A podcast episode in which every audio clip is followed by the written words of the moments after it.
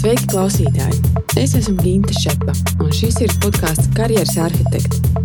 Tavs ceļvedis ar praktiskiem padomiem un metodēm darba dzīves situācijām, kad piezogas jautājums.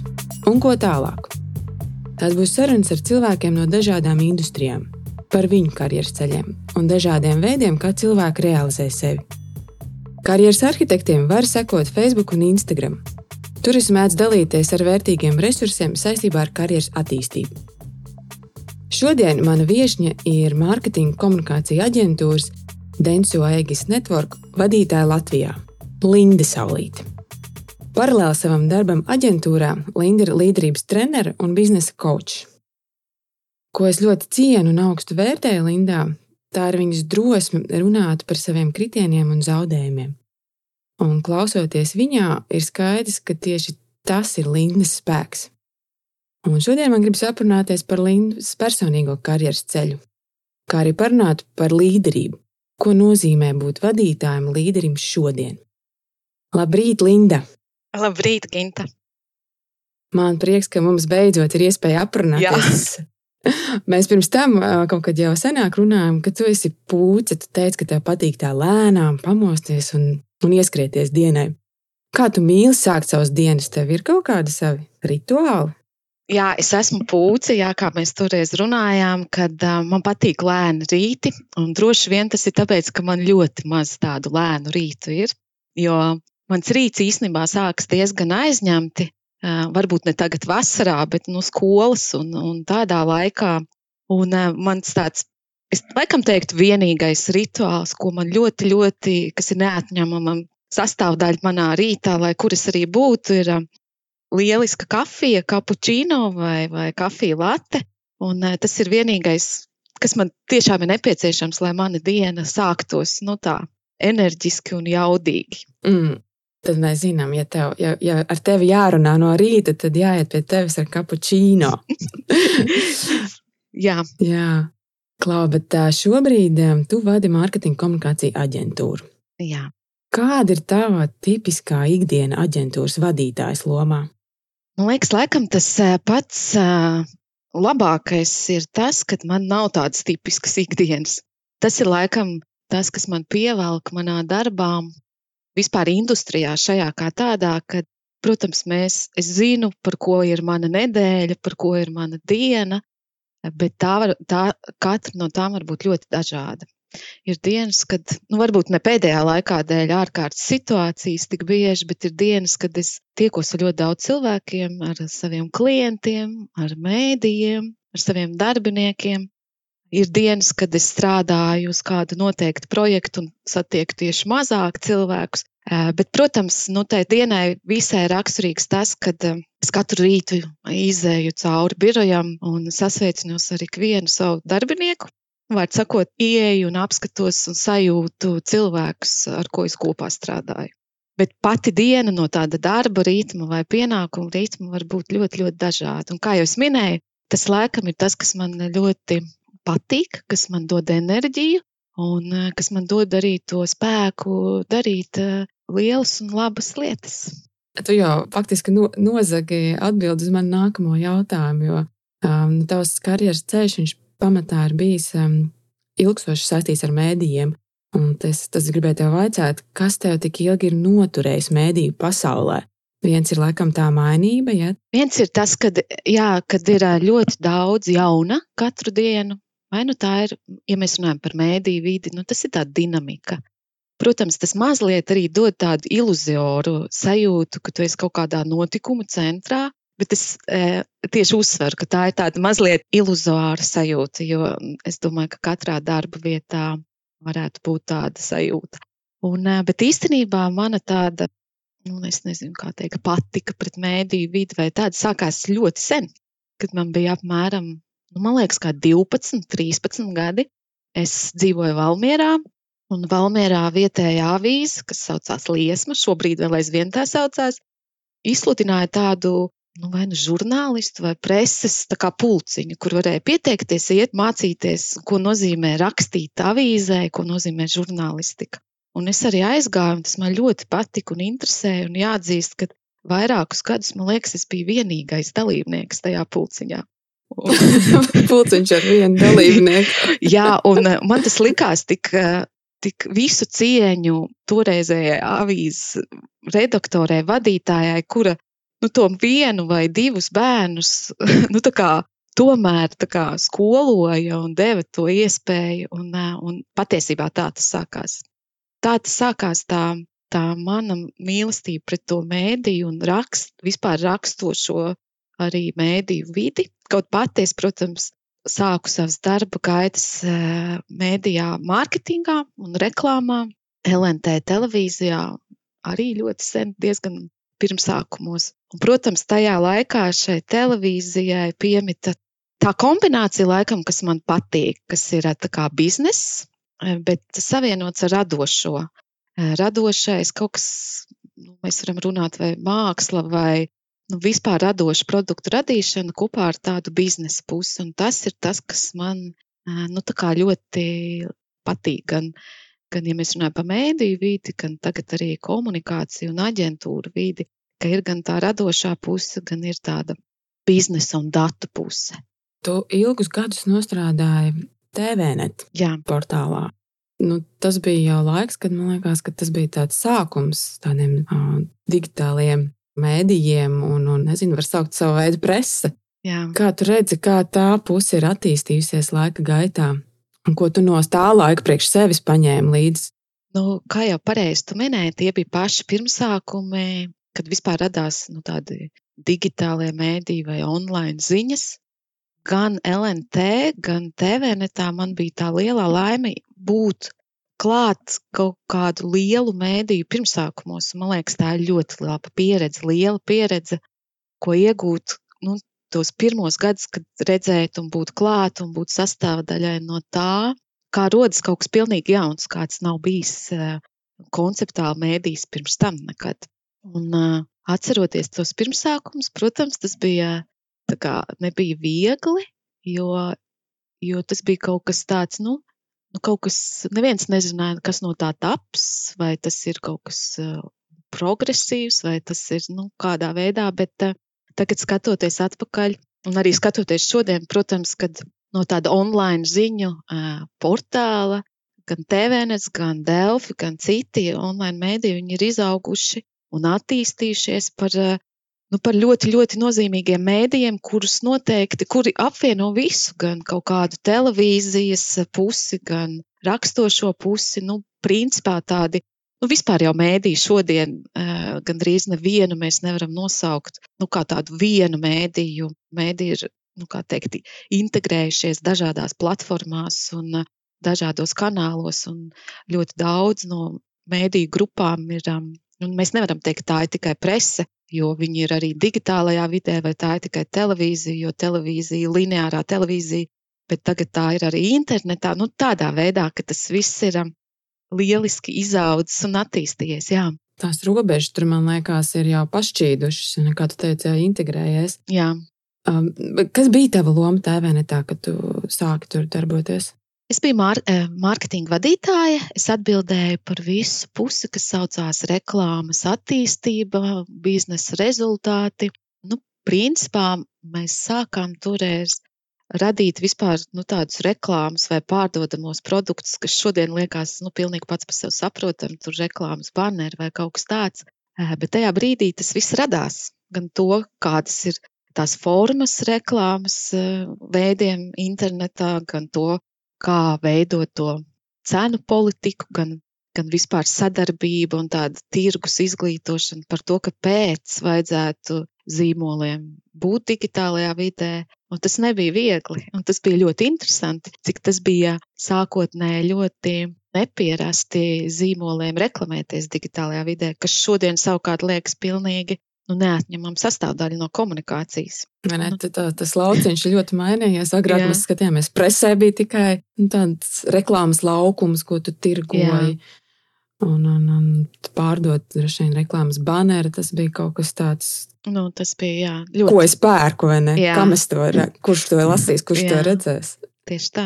Aklau, ak, jums, jums tajā laikā nu, tā, tā bija pilnīgi jauna vide, kaut kas jauns mēdījis. Kā jūs zinājāt, nu, vispār, kā, tā, kā to vidi veidot, kā veidot izpratni, mums mainīt tā patērētāja uzvedību, kā pievērst to uzmanību? Kur tu tās zināšanas ņēmi? Es domāju, ka tā noteikti bija mācīšanās darot, jo, protams, mums bija komanda ar pieredzi, kura bija radījusi LNT televīziju. Tātad nu, tā nebija pilnīgi nu, nepieredzējuši cilvēki. Komanda, kas zināja, ko nozīmē uh, radīt ziņas, bet, protams, visiem no mums bija jauns tas, ko nozīmē to visu radīt online vai interneta vidē. Bet uh, pirmais teikšu, nu, tas, ja tā var teikt, veiksmes vai izdošanās faktors ir komanda, ka katrs savā kaut kādā jomā bija pirmkārt zinošs, otrkārt, nu, kā, kā mēs sakam, daga acis par to, ko dara. Un, un tā, man liekas, soli pēc solim, gan kļūdoties, gan mēģinot, gan ticot vispār, ka tas var izdoties, tas arī izdevās. Ko mēs redzam šodien? jā, nu, protams, TVNets ir mainījies, audzis, un, bet pats galvenais gājis uz priekšu, kā mēdīs. Jā, tā kā, jā. Kas bija tava nākamā pietura pēc TVNet laika? Mana nākamā pietura bija uh, mans uh, ilgi lolotā sapņa uh, radīšana vai, vai piepildījums. Kā jau es te minēju, sākumā nu, man tāda kaislība un mīlestība pret mēdījiem, pret rakstošo vidi bija jau no ļoti, ļoti seniem laikiem, no bērnības laikiem. Un, un tad pēc TVNeta es sapratu, ka es gribu radīt, savienot kaut ko, kas man ļoti patīk, ar to, ko es labi zinu, un radīju savu, es nezinu, vai to var saukt par startupu, bet principā digitālo žurnālu Lillā. Savienoju nu, to rakstošo vai žurnālistisko daļu ar to digitālo vidi, ko es biju labi iepazinusi strādājot TVN, tā 11 gadus par visām tendencēm, kā auditorija lieto uh, saturu digitāli, un, uh, un savienoju to ar, kad es gribu radīt kvalitatīvu tādu cieņpilnu, skaistu digitālo žurnālu auditorijai. Nu, man liekas, tas bija diezgan ātri, jo man bija ļoti skaidra vīzija, kādu es viņu gribu redzēt. Tas bija ļoti, ja var teikt, Latvijā noteikts tāds pionierisks gājiens, vai kā to teikt, nu nebijis.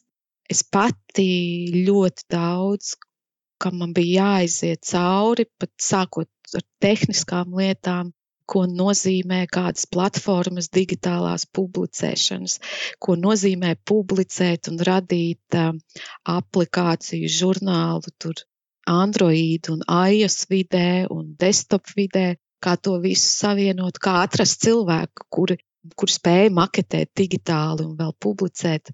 Un, protams, kā atrast arī komandu, gan rakstošo, gan vizuālo, atrast cilvēkus, kuri noticētu šādam diezgan nu, sākotnēji utopiskam tādam sapnim vai projektam, bet patiesībā pagāja diezgan īss laiks, ja nemaldos, tiešām četri mēneši, un mēs publicējām pirmo numuru pēc četriem mēnešiem. Tas ir ļoti ātri, Jā. ļoti. Bet es teiktu tā, ka tas bija tāpēc, ka tā vīzija bija ārkārtīgi skaidra. Tas bija tāpēc, ka es, nu, tas bija tiešām mans sapņa piepildījums. Nu, tas, tas nozīmē, tad, kad mēs ejam un degam par kaut ko, tad mēs, nu, tas nav ne labi, ne slikti, bet mēs strādājam ļoti ilgas stundas. Un tā arī bija tos četrus mēnešus, un pēc tam vēl vairākus. Nu, tās darba stundas bija ļoti garas, bet, ja ir tā sajūta, ka gribas to radīt, un kad vēl kādam tas būtu nepieciešams, tad, protams, tā enerģija un spēks ir daudz vairāk. Cik bija tas atpakaļ? Es domāju, tas laiks 2012. gadā, decembrī, mēs publicējām pirmo numuru. Tas nozīmē nu, septiņi, mazliet vairāk gadi. Gan drīz astoņi gadi. Ah, jā, atpakaļ. astoņi. Jā, jā, jā, jā. jā. Kāpēc digitāls? Kāpēc digitāls žurnāls? Ļoti labs jautājums. Nu, nu pilnīgi noteikti, tāpēc, ka uh, Es zināju, es arī pētīju tās globālās tendences par to, kā saturu sāk lietot aizvien vairāk digitāli. Pavisam noteikti man likās, ka Latvijā pietiek kvalitatīvu un labu žurnālu drukātā veidā. tas nebija nekāda mana ambīcija kļūt par vienu no tiem, bet tas, ko es redzēju, mums pietrūka tajā laikā kvalitatīva satura digitālajā vidē. Lasāma satura un tāda, kas ir, nu, varbūt nevis ātra patēriņa saturs, bet jā, ilg, tāds ilgāks vai pamatīgāks. Un droši vien, ka man bija arī ambīcija radīt kaut ko nebijušu. Tāpēc es arī tajā laikā pirms tam daudz pētīju, skatījos, kādi ir starptautiskajā vidē digitāli žurnāli un risinājumi, un to bija tobrīd kvalitatīvi gana daudz. Tādēļ es domāju, arī tāds lēmums, un es ticēju, ka, ka tas ir tas īstais veids, kā to radīt. Bet uh, Lilā arī guva panākumus. Jūs, jūs, jūs bijāt tiešām radījuši ļoti kvalitatīvu produktu, un jums pat bija balvas, vai ne? Kaut kas, ko Jā. jums bija? Mums bija, mēs dabūjām atspēriena balvu, kas ir um, konkurss jaunajiem tādiem uzņēmumiem. Man liekas, vēl šobrīd šis ir, kas ir Svetbanka kopā ar uh, Rīgas pilsētu, ja nemaldos.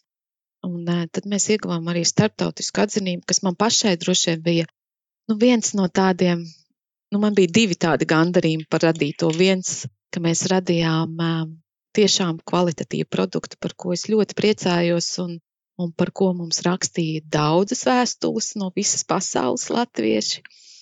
Un uh, otrs, jā, kad mēs ieguvām, iek, nokļuvām finālā, nu, es vienu no prestižākajām nu, tādiem konkursiem, kas saucās Digital Magazine Awards, no visas pasaules digitālie žurnāli iesniedz savus produktus dažādās kategorijās.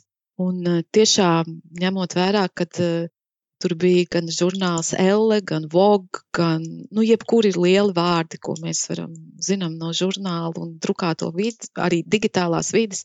Un mēs iekļuvām starp pieciem finālistiem kategorijā nu, gada, gada jauninājums, jeb gada jaunienācējs. Un es atceros, es eh, braucu uz Londonu uz, eh, uz kā, to fināla ceremoniju. Un, eh, un tad es domāju, ja ja Lilā laikam būtu radīts Londonā vai Anglijā, tad eh, es vienkārši sajūtu, cik ļoti tā industrija ir vairākus gadus uz priekšu tam, nu, kur mēs tobrīd bijām. Nu, gan tajā cilvēku izpratnē par satura pirkšanu digitāli, gan citādāk. Un, eh, jā, bet eh, nu, tas bija tāds liels prieks visai mūsu komandai un, un tāds um, gandarījums par to par to, mm -hmm. ka nu, apliecinājums, ka tas tiešām ir um, vērtīgi auditorijai un arī nu, tīri no industrijas atzinības. Jā, un kas notika? Kas ar Lilā notika? Kāpēc nav vairs jauna Lilā numura? Nu jā, tagad, protams, nu, eh, tad, kad mēs esam iekšā kādā procesā un tagad jau ar pieredzi un vispārējo, es paskatos atpakaļ un es saprotu, bija, bija protams, nepareizi daži biznesa lēmumi, Viens bija droši vien tas, ka Lilā mēs izdevām pārāk bieži katru mēnesi. Un kā visi, kur ir, ir bijuši tajā vidē, kur jārada saturs, zinām, ka satura radīšana ir dārga, ja mēs runājam par, par nu, izmaksām. Un man likās, ka tas ir jāizdod katru mēnesi, lai cilvēki pierastu pie tā, ka iznāk lilā, viņiem rastos tas piereduma jautājums, to pirkt, iegādāties un lasīt. Bet patiesībā ar to biežumu mēs tomēr nevarējām panākt tik ātru auditorijas pieradumu, kas ļoti loģiski, jo tas bija pilnīgi kaut kas jauns. Savukārt, finansu resursus mēs pārāk ātri, kā, nu, ja teikt, nodedzinājām vai iztērējām, nespējot iegūt atpakaļ, iegūt atpakaļ ienākumus, nu, tādu disbalansu. Tas būtu viens, otrs, nu jā, un tas viss, kad nu, tomēr kaut kādā vienā punktā es par visu biju atbildīga viena. Un, uh, tas kaut kādā ziņā tās grūtības vēl. Un, protams, nekur jau nepazūd vēl atbildība par ģimeni un bērniem, un ka tam nāk klāt vēl biznesa vadīšana, biznesa grūtības un kaut kāda sajūta. Nu, tas nasta vienā brīdī bija ļoti smaga, un, kā tu zini, Es pat vienā brīdī sāku strādāt vēl pilna laika darbu, lai es mhm. varētu mm. turpināt uzturēt gan Lillā, gan ģimeni. Bet, protams, vienā brīdī tas ir fiziski un emocionāli ļoti liels, liela izdegšana. Un, mm -hmm. un tad viens no maniem tādiem, nu, ko es paņēmu no tā projekta vai no tā visa, ir tas, ka nu, vienmēr vajag atrast to ceļa biedru, nu, tādu īstu, ar ko tu ej tādās biznesā, projektā, uzņēmumā, jo Nu, tad, kad ir grūti, būs kāds, kurš tev varbūt palīdzēs paskatīties uz, uz procesiem no citas perspektīvas, ar citām acīm, un, un ļaus atkal kaut kādā ziņā iegūt spēku vai ticību. Un, nu, jā. Otrs, jā, kad es domāju, arī tas, ko es esmu kaut kad jau minējis, kad tad, kad bija grūti, es īstenībā nepratu paprasīt palīdzību. Tiešām es nezinu, tas man ir jāmācās, un bija jāmācās, un vēl aizvien jāmācās, kad paprasīt to palīdzību tā, lai, tev, lai cilvēks atzird. Un, un, jo apkārt ir ļoti daudz īstenībā cilvēku, kas ir gatavi palīdzēt vai kaut kādā veidā. Bet to es nevarēju. Līdz ar to man bija tā sajūta, ka es to visu smagumu nesu viena pati. un tad vienā brīdī, protams, man beidzās gan finanšu resursi, gan tādi emocionālie. Un lai arī kā man negribējās, tad tas lēmums bija jāpieņem, kad um, šis nu lūk būs pēdējais lielā numurs. Jā, jā. jā grūts lēmums. Es nesen klausījos interviju ar uh, Elonu Masku, mm, kur viņam vaicāja, nu, kā ir vadīt uzņēmumu, un tomēr Tesla visu, ko viņš ir izdarījis. Un tad viņam bija tāda frāze, ka viņš teica, nu, vadīt uzņēmumu, tas no malas izklausās, izskatās tā, tā skaisti, nu, tu tur esi tā kā virsotnē, Bet ikdienā tā realitāte ir tāda, ka patiesībā tu ēd stiklus. jo tu uz, taviem, uz tava galda, uz taviem pleciem nonāk tie, tie uzdevumi, tās atbildības, ar ko citi netiek galā, vai negrib, vai nezina, kā tikt galā. Un tas viss tā kā, nu, dienas beigās tu esi atbildīgs par visu, kā tu pati teici, arī ne jā. tavā gadījumā. Un tad ir jā, tas asiņojošais kakls, viņš tur tā izvērsās, jā, raksturojot to, ko nozīmē būt vadītājam. Tieši tā. Tā nav nemaz tik, tik viegli. Jā.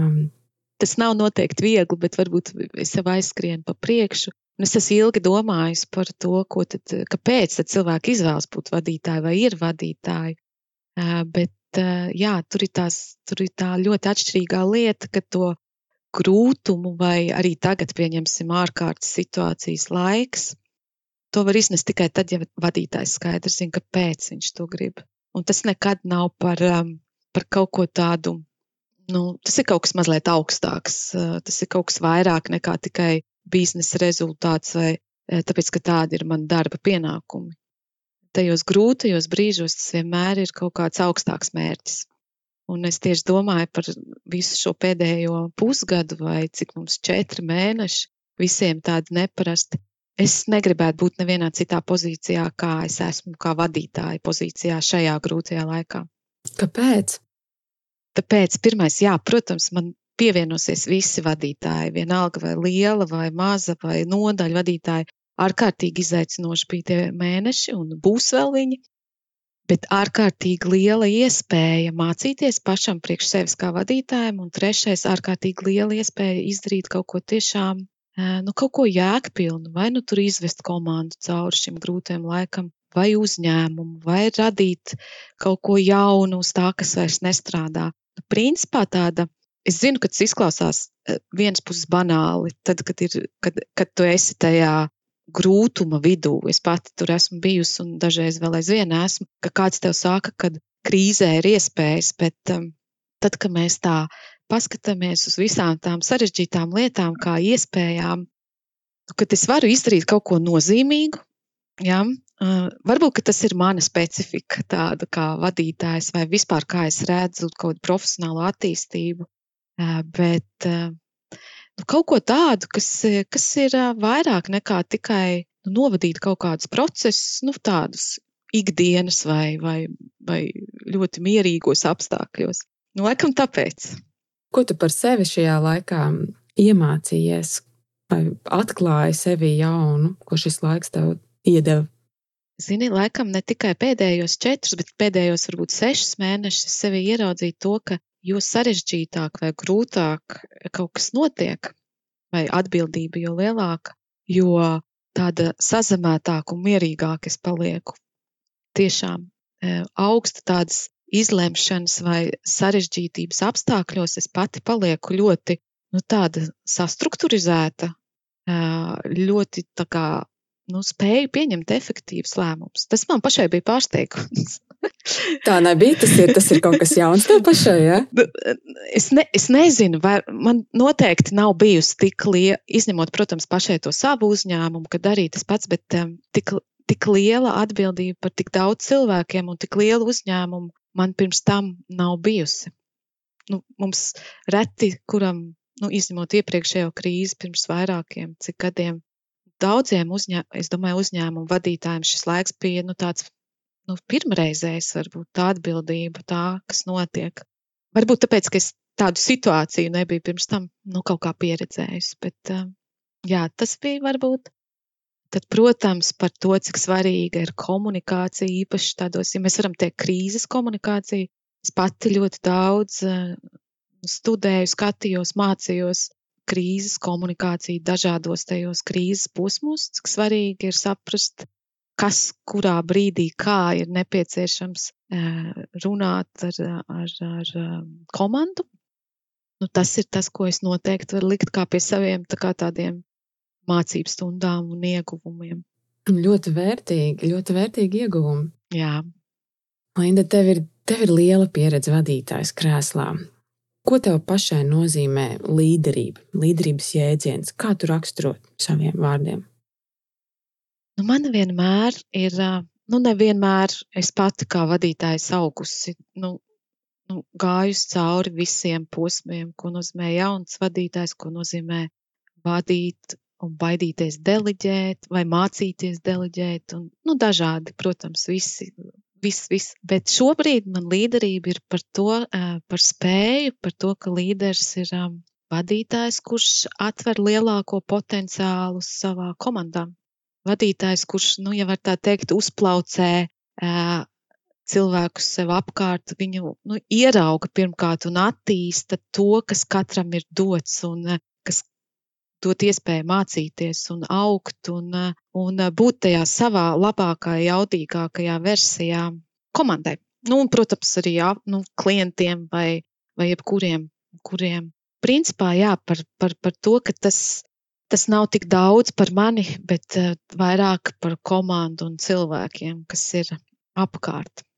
Par kultūras radīšanu, kas ļauj cilvēkiem justies droši un augt un radīt un, un darīt par drošu vidi, un es domāju, nu tādu mentālo vidi drošu. Nu tā, tas ir tas, kas šobrīd. Bet, ja tu man jautātu pirms gadiem, pieciem vai, vai pirms septiņiem, tas noteikti būtu kaut kas pavisam cits.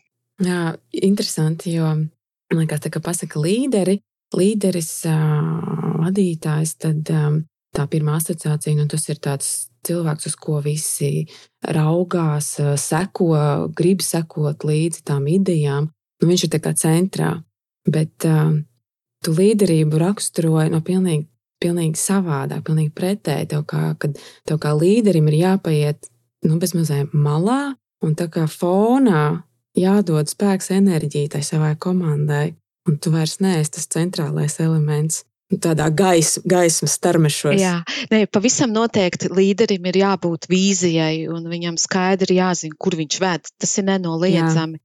Bet es šobrīd vairāk, un es esmu redzējis dažādus līderus, un uh, harizmātiskie līderi ir uh, ļoti pievilcīgi un uh, dažādos laikos vajadzīgi līderi bet es vairāk šobrīd pārstāvu to, kad es gribu, piemēram, ja es aiziešu no šīs kompānijas kādu dienu, kad es, man aizejot, nekas nesaprūk, nemainās, tāpēc, ka šie cilvēki ir spēcīgi. Viņi, viņi zina, ko viņi dara, viņi iet uz priekšu. Um, un es domāju, ka tā ir ilgtspējīga līderība, ka tu radi spēcīgu komandu, kas savā starpā miedarbojas dažādos līmeņos uzņēmumā. Un, um, Un es esmu vairāk par to, ka nu, es diezgan neticu līderībai, kur, ja līderis aiziet, nezinu, nav birojā, tad uh, nu, tu neviens vairs darbs nav birojā. Apstājies. Darbs apstājas vai tā.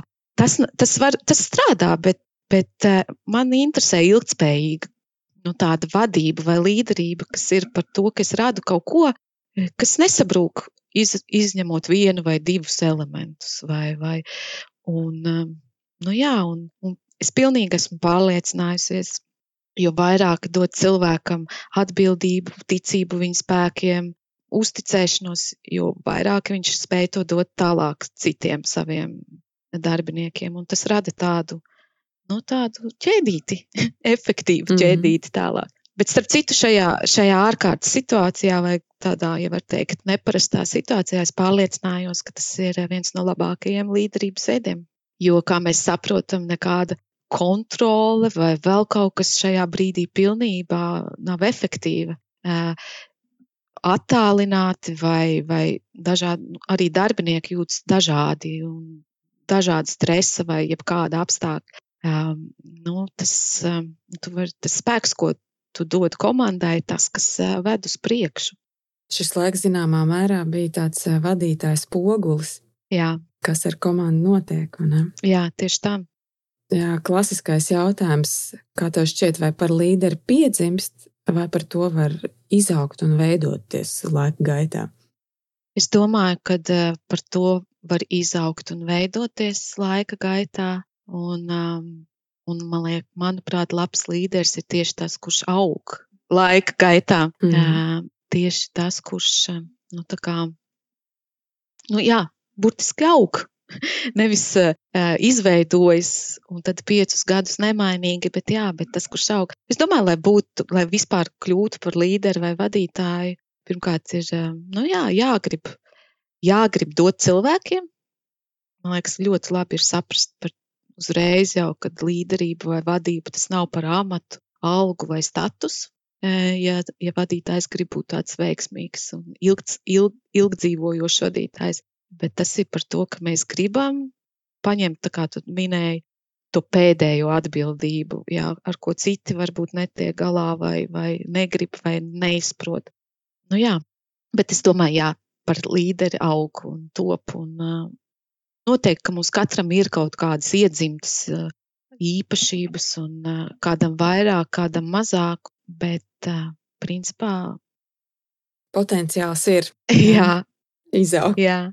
Tu esi mm, savā trenera un arī biznesa koča praksē, es domāju, ka nu, redzējusi dažādus līderus. Kā mēs te pieminējām, ir harizmātiskie līderi, ir tādi vizionāri, Jā. Un tad ir tādi ļoti pragmatiskie līderi, kuri, kuri māk uh, struktūrēt lietas un, un vadīt uh, komandas. Katram noteikti ir savas spēcīgās puses un ēnas puses.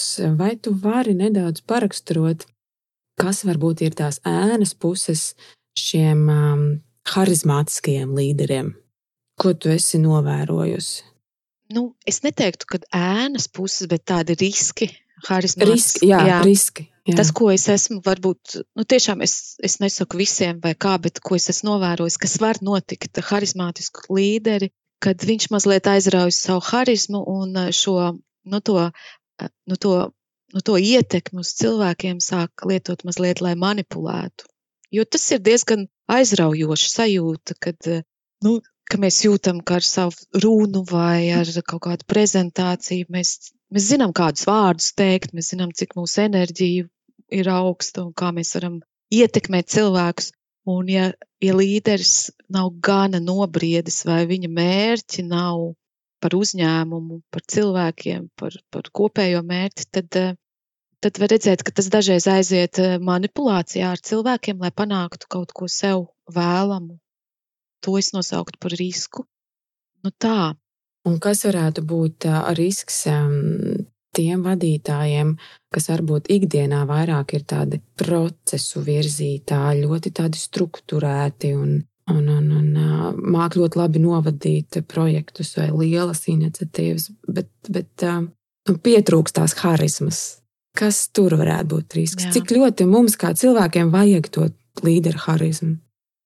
Nu, es domāju, tas varbūt arī ir tas, ko es gribētu pateikt par to, ka gan uzņēmumos, gan komandās, dažādos posmos ir dažādas vajadzības. Piemēram, daudz pētījumu un arī, ko es lasīju par līderību šajos ārkārtas laikos, runā par to, ka nevis harizmātisks līderis šobrīd ir vajadzīgs, bet, um, bet cilvēcisks, empātisks un, uh, un arī ar skatu uz priekšu diezgan racionāls līderis. Ar to es gribu teikt, ka dažādos posmos gan cilvēkiem, no cilvēku brieduma pakāpes, no viņa kāpnēm profesionālajā vidē, gan, gan no uzņēmuma, nu, tāda attīstības posmiem, gan pat no industrijas attīstības posmiem, tā līderība var būt dažāda, kas ir nepieciešama. Ir kaut kāda posma, kad ir vajadzīga tā harizma, enerģija, vīzija, ir kāda, kur ir vajadzīga tiešām ļoti strukturēti, praktiski darboties. Un laikam varbūt es teiktu, ka nu, tā visaugstākā līderība būtu šo visu sabalansēt un zināt, kurā posmā es esmu ar visu savu enerģiju, harizmu, kurā posmā man no tā ir jāatkāpjas un jābūt tādam piezemētam, strukturizētam, praktiskam, nu, jebkādam. Ja? Nu, es teiktu, laikam, tā, man liekas, pat ir adaptīvā līderība, uh, saucās terminā. Jā, tas, jā. vai ne? Bet, protams, mēs nevaram. Nē, nu, harizma, tu jau zini, Gintu, harizma jau ir tas, kas ir katram no mums iespējams. Tajā brīdī, mm -hmm. kad mēs darām to, kas ir patiesi mūsu, kas ir tas, ko mēs gribam darīt, kas mums izdodas, un mēs to apzināmies un mēs darām, tad tā harizma arī rodas. Bet uh, droši vien es atbildētu par tiem, tu minēji tiem struktūrētiem un tādiem pragmatiskiem vadītājiem, kad uh, nu, droši vien tas risks ir, uh, ja viņa komandā ir cilvēki, kuriem tobrīd ir nepieciešama tā enerģija, ir nepieciešama tā vīzija, bet varbūt tas vadītājs to nav sajūtis vai viņš nevar to dot, viņš varbūt nu, vien, pazaudē to cilvēku vai pazaudē iespēju, ka šis cilvēks izaug kaut kādā super tādā efektivitātē. Vai tev pašai ir tādi spēcīgi piemēri pasaulē, teiksim, šī laika spēcīgie līderi, no kuriem mēs varētu mācīties kaut ko? Es par, es par to esmu ļoti daudz domājis. Es nosaukšu dažus, bet, um, bet man liekas, dažreiz es uh, ka mēs domājam par līderiem un tādiem zināmiem. Es domāju, ka ir ļoti daudz līderu un vadītāju, kuri nav uh, populāri vai ārkārtīgi zināmi. Tas nenozīmē, mm. ka viņš nav labāks vadītājs, jo tā, tā līderība, kā mēs runājam, var būt dažāda. Tas, ka kāds ir spožāks un kāds varbūt nu, viņam varbūt tas vispār neinteresē un nu, būt nu, tādā sabiedrības posmē. Tas nenozīmē, ka tas līderis ir mazāk spēcīgs vai mazāk tāds jaudīgs. Es pieļauju, ka es zinu, ka Latvijā ir ļoti daudz tādu vadītāju līderi, kas vispār, kur vārdi varbūt nav zināmi ārpus viņu uzņēmumu, bet viņi ir brīnišķīgi vadītāji. Bet par šo pēdējo laiku, par to, ko arī runā daudzi par šo ārkārtas laiku, kad, ko es arī minēju, kad pierādījās, ka līderībā ir ārkārtīgi, protams, nepieciešama vīzija un struktūra un lēmumu pieņemšana, bet arī tā, nu, tā emocionālā inteliģence, jeb cilvēcība. Un daudzi runā par to, ka viens no labākajiem piemēriem ir Jaunzēlandes vadītāja, kā viņa izveda savu valsti cauri šiem laikiem. Un noteikti es arī viņu nosauktu mana ilgus gadus, nu, tā kā tāds, kā lai to nosauc, piemērs harizmai, plus ļoti tādai cilvēcībai, plus arī labai vadītājai ir Vaira Vīķa Freiberga. Tas ir tas mans. Es, eh, protams, viņu nepazīstu privāti, bet tas, ko viņa dara un kā, kā viņa runā un kā viņa izturs pret cilvēkiem ir tas, kas mani tā kā, nu, tas ir tas, kas manās acīs ir līderība. Man ir, protams, bijuši vadītāji, kuri arī ir bijuši piemēri par to, kā ir būt vadītājam dažādos posmos.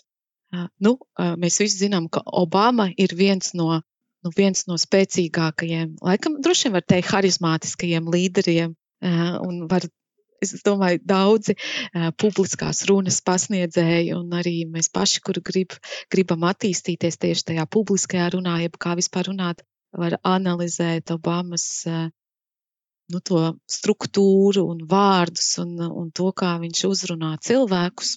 tie ir tavi tādi spilgtie piemēri. Ja? Nu, tādi, ko, kas būtu citiem cilvēkiem jāzina. Jā, arī. jā, ok. Tu esi bijusi arī mentors jauniem uzņēmumiem, startup vidē, vai tā? Kādi ir tavi novērojumi? Kāda, kāda līderība mums um, tur dzīvo? Vai tur ir um, labi piemēri, vai gatavība vadīt uzņēmumus? Uh, nu, jā, nu, tas, ko es redzu, un tas, kas, uh, ko es uh, arī pati piedzīvoju, radot savu uzņēmumu, kad ir ļoti liela tāda kaislība un aizraušanās un vēlēšanās radīt to biznesu, vai to produktu, vai to pakalpojumu, vai jebko. Tas ir, man liekas, lieliski.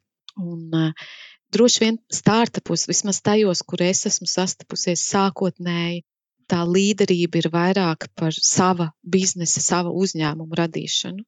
Tā, tajā brīdī varbūt netik daudz ir par komandas radīšanu. Tas nāk mm. vēlāk. Bet eh, tos, tos brīžus, kad es satieku, tas ir līdzīgi, tur es varu ieraudzīt arī sevi nu, par to, ka deg tās acis un tas viss, un eh, mēs ticam tam, ko mēs darām un gribam izdarīt. Okay, bet tur redzi arī tāds uh, visbiežāk, ko pieļauj kļūdas, grābekļus, uz kuriem uzkāp jauni šie vadītāji uzņēmumi, kur veido. Nu, viens no grābekļiem, man liekas, varbūt es viņu redzu tieši tāpēc, ka es pati uzkāpu uz to grābekli, ir, kad, kad eh, mēs ļoti, tik ļoti aizraujamies un ticam tam, ko mēs radām, tam produktam vai uzņēmumam, ka kaut kādā vienā brīdī eh, pazaudējam to tīri racionālo domāšanu par to, vai tiešām ir tik daudz cilvēki, kuriem tas, tas liksies tieši tik, arī tikpat uh, lieliski kā man. Principā tā racionālās puses pazaudēšana vienā brīdī. Vai varbūt, eh, varbūt pat kaut kādā brīdī negribēšana redzēt, ka nu, tā mana radošā ideja vai mans radošais bizness, viņš ir jāieliek. Viņš ir jāieliek tajā racionālā biznesa kalkulācijā, ļoti tādā pragmatiskā, ja mēs gribam, lai tas tiešām būtu ilgāk, lai tas būtu ilgtspējīgi nu, tā, jā, tā ļoti aizraušanās, tā domāšana, ka nu, visi mīlēs to produktu, tāpēc, ka, nu, tāpēc, ka nu, tad ir visi mūsu argumenti. Varbūt tā, nu, tas risks ir dažreiz, ka mēs to racionālo un pragmatisko tajā sākuma posmā varbūt pazaudējam. Vai nevis pazaudējam, vai tas mums tāds vājāks tas posms. Nu, sirds mums jau dara, jau, vai jā, ne? Tieši jā, tā. Prāts, prāts jā. kaut kur višķi atslēdzās. Bet kā pasargāt sevi? Nu, kā, ar, kā, kā, kā pasargāt sevi no šī grābekļa un to racionālismu tomēr pieturēt? Es domāju, ka tur ir tas par to, kādu komandu mēs sākumā izveidojam. Jo ļoti labi, ka sirds deg un acis deg, tā ir mūsu sirdslieta, piemēram, un mēs tam ticam. Bet ir ļoti vēlams, ka mums blakus ir partneris, kam mēs uzticamies un ko mēs uzklausām, kuram varbūt savukārt nav tās rozā brilles tajā brīdī, bet kuram ir tas racionālais, finanšu aprēķinu, kalkulātoru prāts.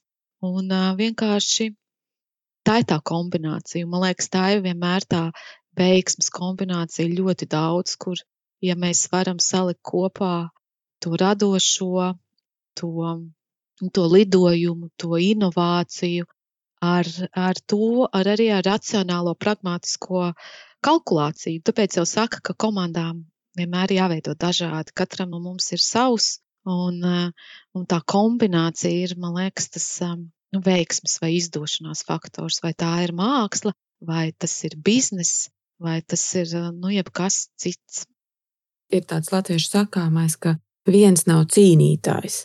Jā. Principā jāmeklē sev tāds uzticams cīņu biedrs. Jā, tā, ne? Jā. Um, ja cilvēks apsver domu savā karjerā tālāk virzīties uz vadītāju krēslu, nu, viņš tā mērķiecīgi to savu ceļu arī būvē.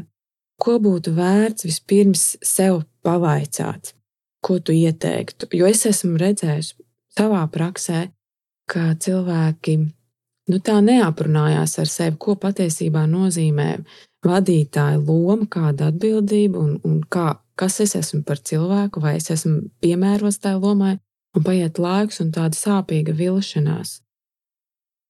Jā. Ko tu ieteiktu? Nu, es pirmais droši vien pajautātu, nu, kā tu jau minēji, vai es gribu uzņemties atbildību, vai, vai es saprotu, ko nozīmē uzņemties atbildību.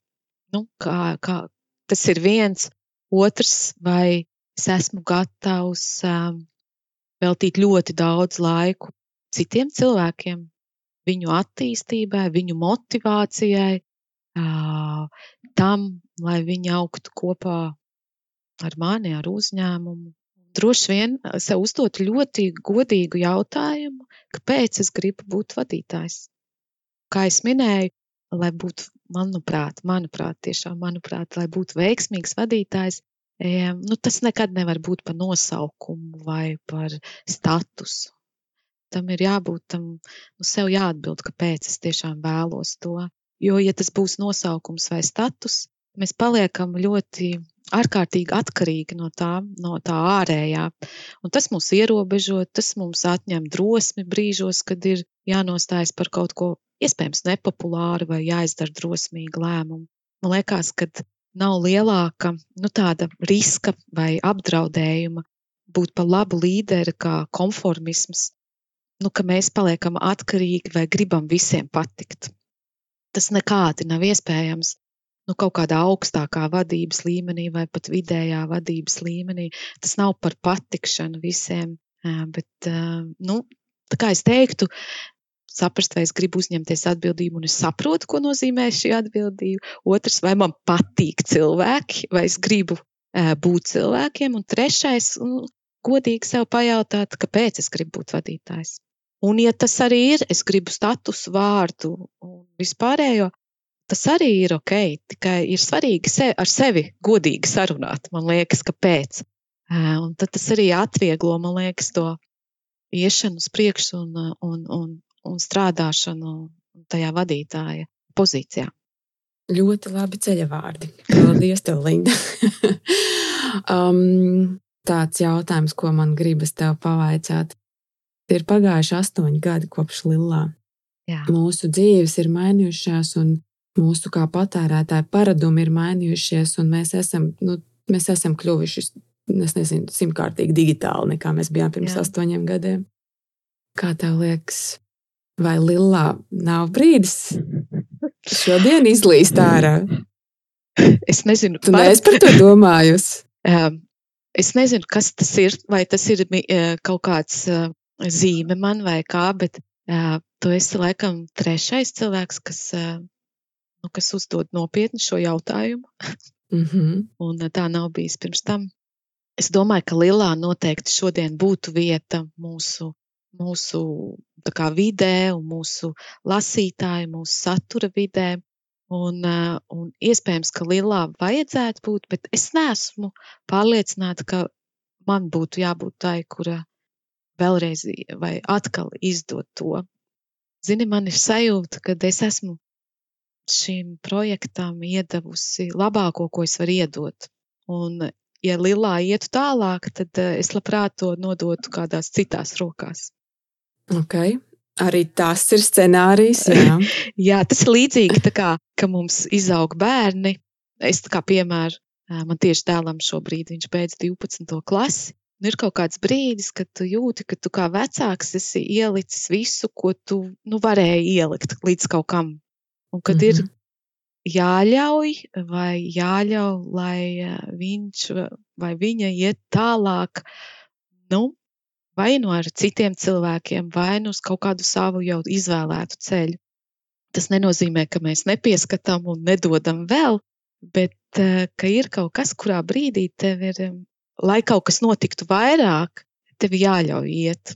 Ja? Un varbūt līdzīgi ar Lillā, lai tas šobrīd atkal būtu un nevis vienkārši atkārtotos, bet ietu tālāk un kļūtu un attīstītos, tad uh, tam vai, varbūt vajadzētu kādu citu cilvēku vai citu komandu. Varbūt es esmu pārāk tas, ko es arī analizējot savu to visu šo ceļu ar Lilā, um, ir ļoti dažreiz grūti, kā mēs runājam par to racionālo plānu, tad, kad tu esi ļoti emocionāli pieķēries kaut kādai lietai, projektam, ka tā ir tava sirds lieta. Dažreiz ar to emocionālo, ļoti, ļoti lielo pieķeršanos mēs varbūt nu, pat nevis izdarām slikti, bet neļaujam kaut kam notikt, kam vajadzētu notikt. Varbūt tā ir tā mana sajūta par Lilā. Mm -hmm. Kāpēc man liekas, ka, ka Lilā varētu būt, ka, bet es labprāt viņu redzētu arī, kad to attīsta vai dara um, citi cilvēki vai komanda. Jā, Linda. Man jāsaka, Jā. tev milzīgs paldies par tavu stāstu. Manuprāt, tu esi lielisks iedvesmas avots daudziem, gan tiem, kas šobrīd šajos nenoteiktības apstākļos vada komandas un savus uzņēmumus, gan arī tiem, kas apsver domu kādu dienu kļūt par vadītāju. Un um, es gribu tev novēlēt, varbūt atrast to cīņu biedru Lilā sakarā. Es ne, man ir kaut kā, es nezinu, man ir kaut kāda sajūta par tevi un Lilā, kad tas stāsts nav beidzies. Viņš ir tikai ielikt grāmatzīme, un varbūt tur kaut kas vēl tālāk būs. Tā kā es gribu tev novēlēt šo tēmu sevī vēl, vēl galīgi nenolikt plauktiņā. Labi. Jā? Paldies tev! Es, tad, kad tu pateici par to, ka stāsts varbūt nav beidzies, nu, es kaut kur sevī sajūtu, ka nu, tev droši vien ir pilnīgi taisnība. Un iespējams, ka sakot par to, vai arī pieņemot to sevī, ka, nu, ja lielā iet, viņš iet kaut kur bez manis. Droši vien var būt, es esmu daudz domājis, un arī savos uh, treniņos mēs runājam par aizsardzības tehnikām, ne? kā mēs sevi mēģinām pasargāt no kaut kā, kas mums reiz sāpēs, vai tad izdomājam, ka tad mēs šādi vairs nekad un tā, bet, um, bet paldies tev liels par novēlējumu. Varbūt, Jā, man, man, man, man tiešām gribas, lai tas novēlējums kādreiz tajā dzīvē mēs viņu ieraugam arī tādā realitātē. Un um, es savukārt, uh, nu, varbūt arī sautīgos nolūkos, jā, es gribētu, lai, lai mūsu biznesa vidē ir vairāk tādu vadītāju kā tu. Atvērti, drosmīgi, cilvēcīgi un sevi apzinājušies. Tāpēc um, Tev, Linda, es, es, nu, es vēlu arī skaistu vasaru, kurā atgūt spēku, jā. enerģiju. Jā. jā, tas visiem mums, nu ne tikai vadītājiem, bet tas, ko es arī mācos, iemācīties atpūsties. O, jā. jā. Paldies, Linda, vēlreiz.